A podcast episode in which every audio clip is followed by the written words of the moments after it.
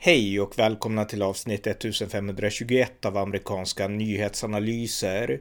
En konservativ podcast med mig, Ronny Berggren, som kan stödjas på swishnummer 070-30 28 95 0. USAs vicepresident Kamala Harris har fått uppgift efter uppgift som berör kriget i Ukraina.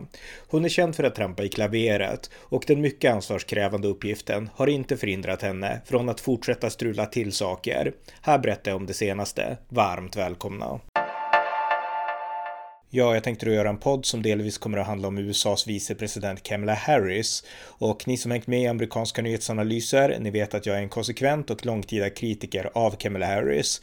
Eh, det började när jag såg henne uppträda i primärvalen och när jag läste hennes bok The Truths We Hold, där hon skriver fåniga saker och eh, hon uppträdde också väldigt fånigt under primärvalet och sen hon blev vicepresident så har hon fortsatt uppträda fånigt och min inställning har alltid varit att det här är en person som inte är lämpad eller lämplig för vare sig presidentämbetet eh, som hon sökte eller vicepresidentämbetet som hon fick. Hon valdes ju inte till det utan hon fick det av Joe Biden som, som valde henne då eh, som sin running mate.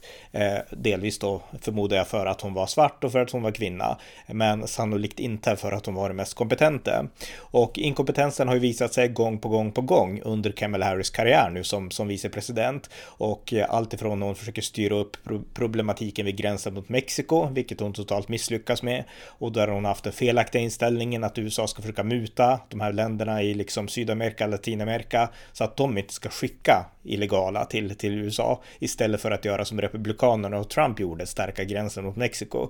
Så att hon har ju bort, gjort bort sig gång på gång på gång. Och det här är ju liksom ingen nyhet utan det drivs med det här överallt dels i högermedia där man driver med hennes skratt och att hon är inkompetent. Men även i liksom vanlig liberal media tycker också att det här är problem. Och vi har fått sett många, många problem också komma från hennes, eh, ja, hennes stab och hennes office, hennes kontor. Där många har slutat därför att hon är en dålig chef och hon behandlar sina anställda dåligt och sådär. Och eh, varje gång så avfärdar hon kritiken. Den här kritiken kommer bara för att jag är svart eller för att jag är kvinna och så skrattar hon så här eh, ytligt och helt så här genomskinligt som gör henne bättre lämpad på någon slags, eh, jag vet inte, eh, ja, någon tv-show av något slag, men kanske inte som vicepresident. Eh, men nu har hon fått en ny ansvarsuppgift som är väldigt tung. Hon har fått uppdrag av president Joe Biden att styra upp kriget i Ukraina och eh, hon reste till Polen häromdagen eh, och den 11 mars så höll hon en presskonferens i Polen tillsammans med Polens president Andrzej Duda och då fick hon en fråga av en journalist om USA kunde tänka sig att ta emot ukrainska flyktingar. För det är så att Polen har öppnat upp totalt nu för ukrainska flyktingar och hon fick naturligtvis en fråga hur tänker USA på det här? Kommer USA också ta emot ukrainska flyktingar? Och eh, det här är en allvarlig situation. Jag menar, jag tror Polen har tagit emot mer än en miljon flyktingar nu på några dagar. Och eh, det här är ett litet land, stort visserligen för Östeuropa, men ändå ett litet land eh, globalt. Och eh, man vill ha svar, tydliga svar i en situation som är extremt allvarlig. Och Kamala Harris, hon svarade så här. And I'm wondering what the United States is going to do more specifically to set up a permanent infrastructure And relatedly, is the United States willing to make a specific allocation for Ukrainian refugees? And for President Duda, I wanted to know if you think and if you asked the United States to specifically accept more refugees. Okay. a friend in need is a friend indeed. okay, I, I can first. Okay, so Så det var Kamala Harris och det här är mycket lättare när man ser i bild därför att eh, frågan ställs till dem och eh, Duda, Polens president, han, han tittar på Kamala Harris och ger henne tillfälle att besvara frågan och det är då hon skrattar och gör det här konstiga liksom, utspelet och det går tillbaka till honom igen. Han får styra upp det helt enkelt. Och eh, jag läste att eh, en före detta eh, anställd till Ukrainas president Volodymyr Zelensky då, hon, jag tror att det var någon före detta sekreterare, hon twittrade ut det här och twittrade någonting om att vi hoppas, hoppas att Kamala Harris aldrig blir president. Sen deletade hon tweeten för hon förstod, insåg väl mm, att, att det inte var förnuftigt att skriva så om USAs sittande vicepresident som liksom Ukraina är helt beroende av. Så att hon deletade det sen men det fastnade på nätet och och eh, ja, eh, rent sakligt så har han ju rätt. Jag menar, jag hoppas också att Kamala Harris aldrig blir USAs president. Men däremot så är det helt rätt och jag kommer återkomma till det här att verkligen respektera ämbetet och så. Så att eh, det är inte det som, som det här handlar om, utan vi måste göra allt för att ha en stark relation med USA. USA har visat att de är the good guys. Man kan tycka vad man vill om Joe Biden och Kamala Harris, men USA är the good guys. De är på vår sida, vi är på deras sida och vi måste stå enade nu mot det här hotet från Ryssland. Så att eh, jag vill inte gå för långt i min kritik jag heller mot Kamala Harris, men jag vill ändå berätta om det som hänt för att jag tycker att eh, hon är inte lämpad att hantera de här stora frågorna. Men det var det första exemplet då på hennes presskonferens där i Polen eh, och eh, sen så eh, det var inte bara det hon gjorde på den här resan utan hon träffade amerikanska trupper där. Polen är ju ett NATO-land och, eh, och gjorde andra väldigt bra och viktiga saker. Alltså hennes symbolmarkering att USAs vicepresident kommer till grannlandet Polen, till det land som Ukraina och där Ryssland krigar. Det är en stark markering och det är viktigt. Eh, det hade varit ännu bättre om Joe Biden hade kunnat åka dit, men jag antar att han är för trött kanske, vem vet, så att han skickade Kamala Harris istället. Men eh, hon var där då i alla fall och sen åkte hon tillbaks eh, och då kom nästa klavertramp när hon kom tillbaka därför att då höll hon ett tal den 12 mars, bara dagen efter presskonferensen med Polens president. Men då höll hon en, eh, ett tal inför The Democratic National Committee och eh, där sa hon, eh, ja, vi spelar klippet, hon sa så här. So I will say what I know we all say, and I will say over and over again. Over again. The United States stands firmly with the Ukrainian people in defense of the NATO alliance.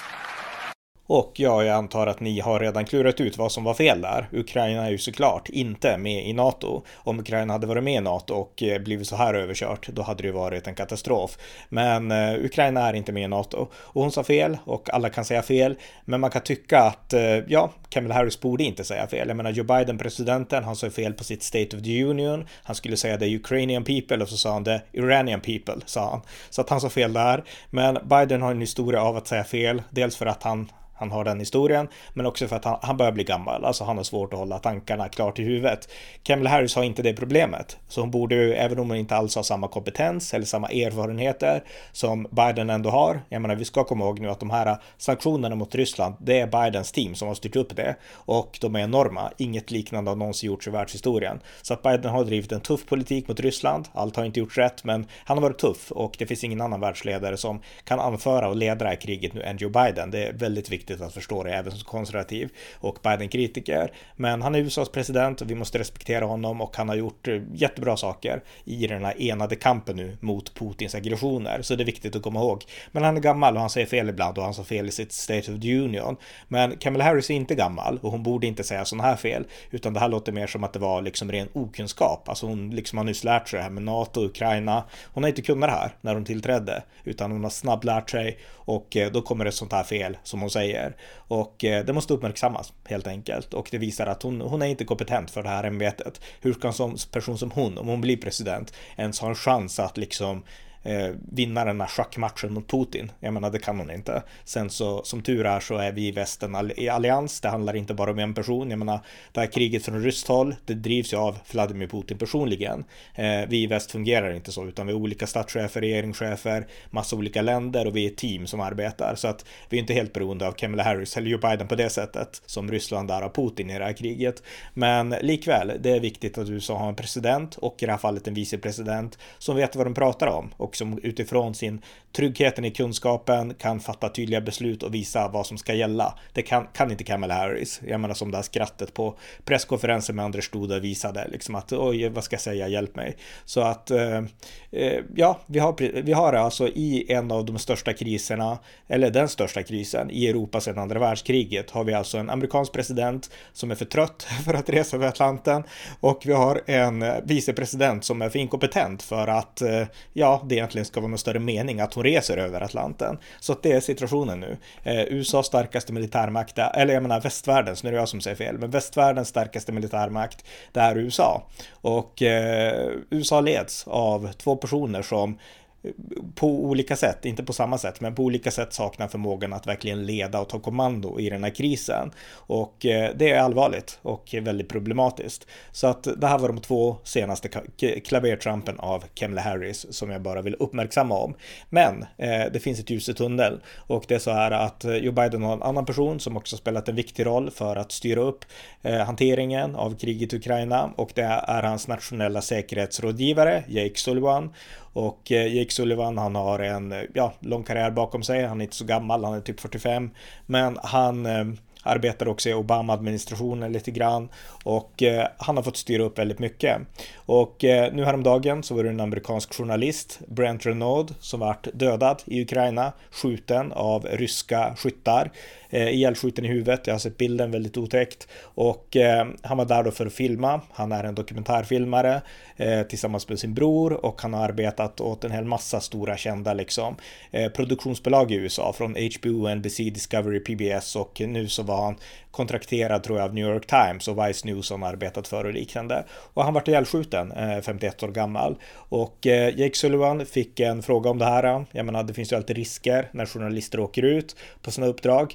Men det här var en amerikansk journalist och USA är ju högst engagerad i det som sker nu i Ukraina för att stoppa Putin. Och eh, det här kan ses som en aggression mot USA. Så att när man pratar om att ja, men vi ska inte gå för långt mot ryssarna. Nu har ryssarna skjutit ihjäl en amerikansk journalist. Sen är det inte samma sak sak som att skjuta ihjäl en amerikansk militär, eh, men, men likväl. Eh, men Jake Sullivan då, eh, Bidens National Security Advisor, han sa på CNN att eh, ja, dels var det här chockande och fruktansvärt och det här visar på brutaliteten hos Vladimir Putin och hans styrkor.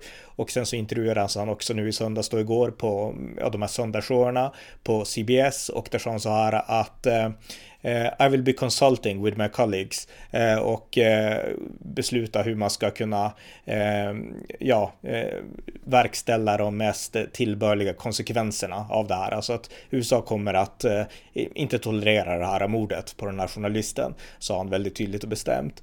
Och vi kan spela klippet från CBS Face the Nation. We go now to White House National Security Advisor Jake Sullivan. Uh, I do want to ask you about these reports that a U.S. journalist has been killed in Ukraine by Russian forces. Do we know what the consequence would be for Russia killing an American? Well, this is obviously shocking and horrifying, and uh, I've just learned about it as I came on to air here. So I will be consulting with my colleagues, we'll be consulting with the Ukrainians uh, to, to determine uh, how this happened and uh, then to measure and execute appropriate consequences as a result of it. Så att här har vi en person som är mycket mer handlingskraftig än Kamala Harris. Och det är tur, därför att eh, den senaste nyheten det är att eh, Kina har ombetts av Ryssland att ge stöd, ge Ryssland stöd i kriget i Ukraina. Eh, vi vet inte exakt hur Kina kommer att svara, men Kina är ju en allierad till Ryssland. De har accepterat det Ryssland gör, de har backat upp och Ja, sen, sen är man ändå klämd i liksom slitningen mellan en mycket mer ekonomiskt stark västvärld som Kina ändå vill ha en god relation med därför att de är helt beroende av handel och Kina har ju en stark militär men inte alls som Rysslands på det sättet, på det konventionella sättet.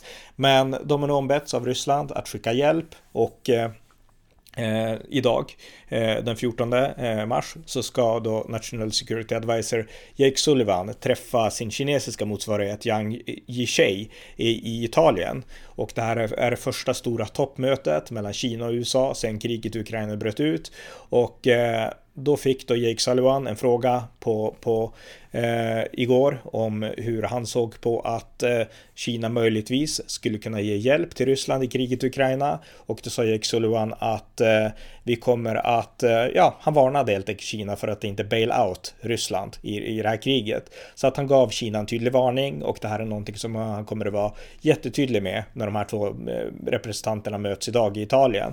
Så att eh, Jake Sullivan är en mycket tuffare ledare, det är dit jag vill komma i det här, eh, än eh, vad Kamala Harris är. Så att vi får hoppas att eh, Joe Biden förlitar sig mer på Jake Sullivan i att styra upp kriget i Ukraina än på Kamala Harris som kanske, ja, det är bättre om att göra andra uppgifter, klipper av, liksom inviger parker och sånt där och klipper av band och sånt. Men Jake Sullivan, han, är, han, han driver en tuffare linje, han har en mer rak personlighet och ja, eh, vi får hoppas helt enkelt att Joe Biden förlitar sig mer på honom. Det är det som är min slutsats, därför att Kamala Harris, hon har trampat i klaveret och eh, nu är det allvar på riktigt och då kan man inte ha sådana här, eh, jag vet inte, influencer-politiker som liksom är politiker för att de ville klättra på karriären, inte för att de verkligen ville leda en nation genom mörker. Så att eh, mer av Jake Sullivan tack och lite mindre av Kamala Harris. Och eh, det beror inte då på att Kamala Harris är kvinna eller på att hon är svart utan på att hon är inkompetent helt enkelt.